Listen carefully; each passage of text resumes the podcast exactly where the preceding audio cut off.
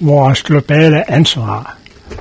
Det er overskriften på en artikel, som vil blive læst op her den 17. februar 2023 af forfatteren Arne Hansen.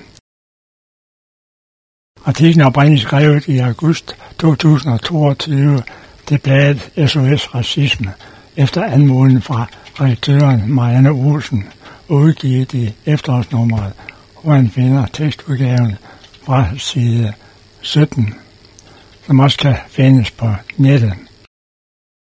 Henvisninger til valgkampen er jo nu efter valget og ny regering blevet endnu mere relevante op mod næste valg. Her kommer oplæsning af en artikel skrevet af Arne Hansen i sommeren 2022 til bladet SOS Racisme, og som nu blev indtalt den 17. februar 2023. Dialog på Frederikshavn Lokalradio om 19 med et flygtninge og fred bringer her indtale af en tekst skrevet af Arne Hansen, Lektor Meritus med SOS Racisme over emnet vores globale ansvar. Det er de klareste billeder, der stadig står på min nethinde af min mor, der i sin blå malkekjole ligger på knæ ind under bryggersbordet og leder efter stadig brugbart barnefodtøj. Det giver til en indsamling organiseret af Folkekirkens nødhjælp. Hun tog sig tid til at forklare det gode i, at vores afladte ting kom til gavn for de børn, der stod og manglede.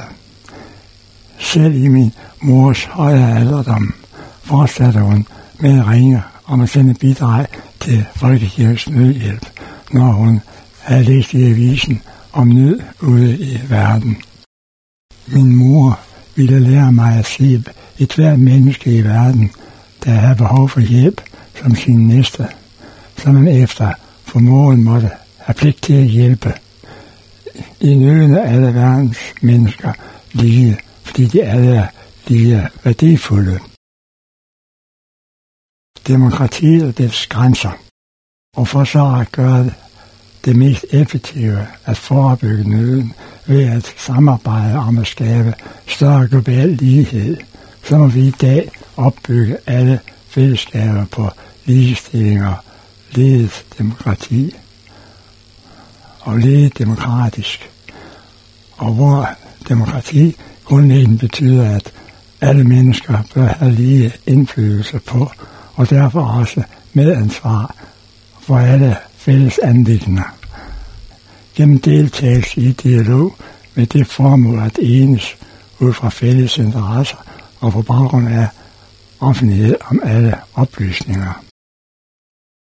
Den dramatiske tilpasning til store grupper og samfund er så traditionelt blevet et repræsentativt demokrati med valgte repræsentanter og mulighed for flertalsafgørelser. Det er der kun en nødløsning, da det strider imod demokratiets grundprincip om alles lige indflydelse og medansvar. Pragmatismen gælder også ved at frede de private virksomheder fra demokrati inden for fabriksporten. Og hertil er den økonomiske politik i høj grad styret af hensyn til virksomhederne og frygt for store virksomhedsejeres luner. Så kom vi til uansvarligheden i Danmarks flygtningepolitik. Så nu så ville min mor lære mig at se et hvert menneske i verden, der er behov for hjælp, som sin næste.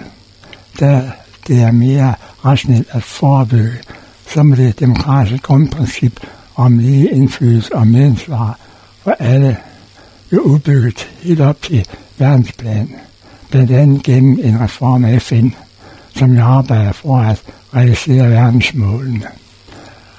Det vil så kræve en nuancering med flere beslutningstagningsniveauer, og vores enkelte beslutning træffes så nær de mennesker, som den vedrører. Men af hensyn til beslutningernes effektive virkning, så må decentraliseringen gå, gå netop så langt nedad, at man stadig kan tage beslutninger, der kan løse et problem på det niveau, hvor årsagen til problemet er liggende. For eksempel er verdens stigende økonomisk ulighed på grund af det profitdrevne kapitalistiske markedssystems konkurrence, klimaforværing, krige med krigs- og klimaflygtninge, jo især globale udfordringer, og må grundlæggende løses globalt. Ikke ved bare uansvarligt at stikke hovedet i busken og føre en nationalistisk usolidarisk flygtningepolitik, som er blevet sket i Danmark i løbet af de sidste 25 år. Dansk demokrati fungerer det.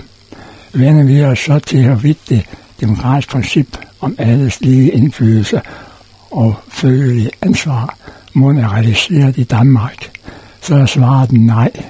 Det skyldes, at et folketingsflertal med vilje efterhånden har gjort det nærmest umuligt for de fleste flygtninge at opnå det statsborgerskab, som giver ret til at deltage i folketingsvalg, og med den konsekvens, at hver tiende menneske bosat i Danmark er frataget muligheden for at deltage i det snarlige folketingsvalg, og derfor ikke bagefter kan gøres demokratisk ansvarlige. Dermed modarbejder vi selv vores krav om, at danskerne med oprindelig fremmed herkomst skal føle medansvar for vores fælles danske samfund, når vi ikke vil give dem den indflydelse som ligeværdige borgere, som må være forudsætningen for kravet. Derfor bliver det nu mere urimeligt, at vi generelt klandrer netop denne gruppe får en gennemsnitlig lavere beskæftigelse og højere kriminalitetsfrekvens. Følelsen af at blive diskrimineret og politisk gjort til unge mennesker. Det motiverer desværre, men vel forstået nok mange fra et vilde Danmark. Dermed har flertalsdanskerne åbent en fristende ladeport til ansvarsløs adfærd for de fravalgte. Og vi nu ser en statsminister gå foran i hyldekoret og slå på valgtrommen med netop fokus på udlændingskriminalitet med krav om hårdere straffe, når de jo ikke vil Danmark. Så må det være at fejre spot til den skade, som hendes folketingsflertals stramme udlændingepolitik selv har bidraget til. Men vi, der stadig har stemmeret, har derfor det fulde demokratiske ansvar for at give alle i Danmark stemmeret. Så det må vi gøre til emne i valgkampen. Og det er også på tide at nedsætte valgårsalderen til 15-16 år. De unges klimaengagement viser deres ansvarlighed. Så vil man give dem en ansvar for deres egen fremtid. En nylig opinionsundersøgelse viser, at hvis det kun var de unge 18-34-årige, der stemte, så ville den dømte menneskeretskrænker Støjbergs Danmarksdemokrater ikke komme i Folketinget. Altså det er også gamle, der er de ansvarsløse ved i høj grad at blåstemple Støjbergs og folketingsflertallets antidemokratiske kamp for at skubbe flygtninge og andre etniske minoriteter ud af politik. Virker kampen for en samfundsstruktur på nationalt og globalt plan, der giver individer og grupper mulighed for at udøve deres medansvar for overvældende, så kan man som en mor vælge at gøre en indsats og beholde umiddelbart synes størst, både faktuelt og når en andre til syden gør noget, som hvor ens kvalifikationer kan komme mest til nytte. skribentens personlige ansvar. For mit vedkommende blev det set kronologisk først i 1980'erne, som fredsret viste i nej til atomvåben, efter at ledende militarister i USA begyndte at lege med tanken om at opnå en atomar førsteslagsevne, som man kunne udslette Sovjets atomvåben i et, i et slag. Frygten blev styrket af talrige rapporter om uheld, hvor kun held havde reddet os fra udslettelse. Og i dag leger stormagters uansvarlige ledere jo igen med atomilden. Nej til atomvåben Satser blandt andet på afspændingen fra neden gennem kontakter mellem befolkningerne på tværs af blokken, for at nedbryde de gensidige fjendebilleder og med fremme af demokrati som det langtidsholdbare. Iranerne multietniske forening, der forlod det også lige fra i 1985 86 i det globale medansvarsnavn at byde de unge iranske politiske flygtninge fra et grusomt undertrykkende antidemokratisk regime velkommen til Frederikshavn. Det blev det starten på 30 år som flygtningevenlig bisidder i regi af Frederikshavn Multietniske Forening. Hvor sagen dog nu kun følger metervis på loftet. Med 83 sommer bag mig må jeg nu indskrænke aktiviteterne til at lave folkeoplysning via Frederikshavn Lokalradio netradioen Flygtninge og Fred med adressen flygtningeogfred.dk. en gerne abonnement der. Her ligger over 1000 udsendelser overvejende af blivende værdi. Derfor håber jeg, at det snart lykkes at skaffe økonomi til at oprette holde offentlig adgang til flygtninge og fred en rum til, efter jeg ikke er mere. Desuden har jeg nyhedsmailen Arnes Mail, som man kan tilmelde sig på, også på forsiden af flygtningerfred.dk eller per mail postsnabelag arnehansen.net og kan i øvrigt findes på de sociale medier på Facebook som Arne Nielsen Hansen og Flygtninger og Fred og Dialog på Frederikshavn Lokalradio samt på Twitter, LinkedIn og YouTube. Det er i øjeblikket nemt at blive motiveret af harme over regeringens og folketingsflertallets uansvarligt menneskefjendske og usolidariske flygtningepolitik. Nu vi ser paradigmeskifte lovenes grusomme konsekvenser, især over for de syriske flygtninge. Det er vores ansvar i den kommende valgkamp råber højt af ham.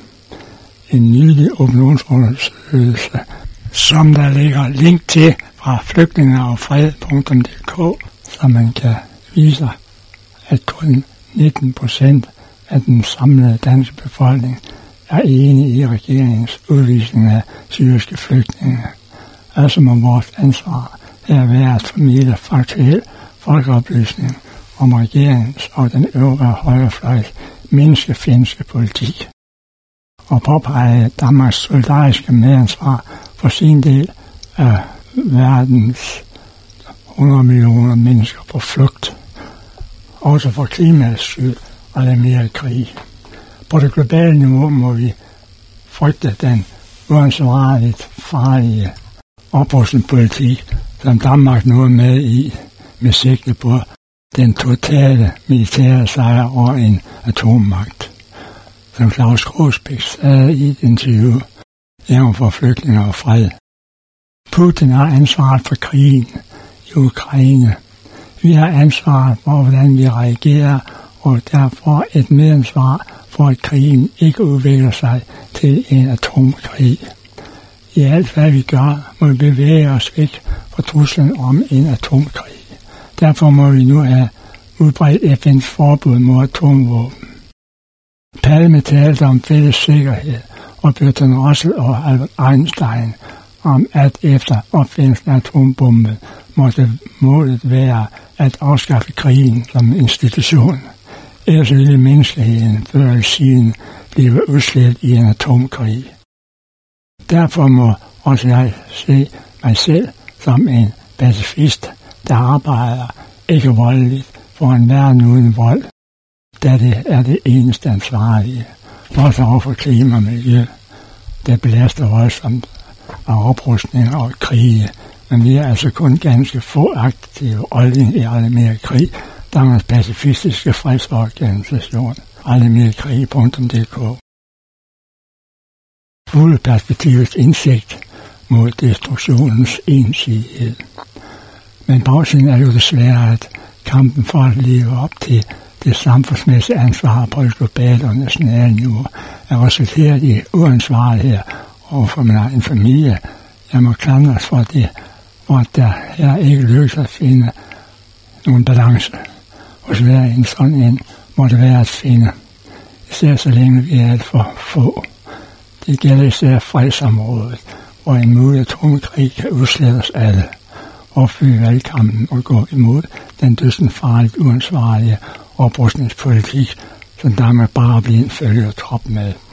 Vi må argumentere for, at Danmark og vi danskere må gå forrest i at få skabt et tankesæt hos os alle, hvor vi ser konflikterne i pude, i fulde perspektiv, og opdager, at den eneste måde at skabe et stabilt fredssystem på, er gennem opbygning af en, af en fælles sikkerhed og afspænding, hvor alle har vilje til at medtænke og efterleve alle andres behov for sikkerhed, og igennem praksis opbygge den nødvendige gensidige tillid, som i dagens krigssituation bevidst er gjort totalt fraværende igennem den valgte ensidige oprustningspolitik og krigspropaganda. Så mange var ordene fra Arne Hansen, min mailadresse er postsnabelag arnehansen.net. Dette er skrevet i august 2022 på opfordring fra redaktør af SOS Racisme, Marianne Olsen, og udkommet i SOS Racisme efterårsnummer 2022. Artiklen står på side 17, som også kan findes på SOS Racismes hjemmeside på nettet, hvor man kan læse teksten. Det der er indtalt den 17. februar 2023 af forfatteren Arne Hansen, som i øvrigt selv er medlem af foreningen SOS Racisme. Hører man dette på Frelshavn Lokalradio, skal man vide, at man også kan genhøre det som podcast på flygtninge og freds netside flygtningeogfred.dk, som man også kan tilgå fra ens mobils podcast apps og YouTube. Man søger bare på flygtninge og fred. På hjemmesiden flygtningerogfred.dk kan man også finde yderligere oplysninger, og man kan kommentere, og man kan tegne abonnement på fremtidige udsendelser på flygtninger og fred eller lytte til nogle af de måske 1500 udsendelser, den der. Desuden kan man på forsiden af flygtninge og fred.dk også tilmelde sig det ugenlige nyhedsbrev Arnes mail, eller også per mail postsnabelag arnehansen.net.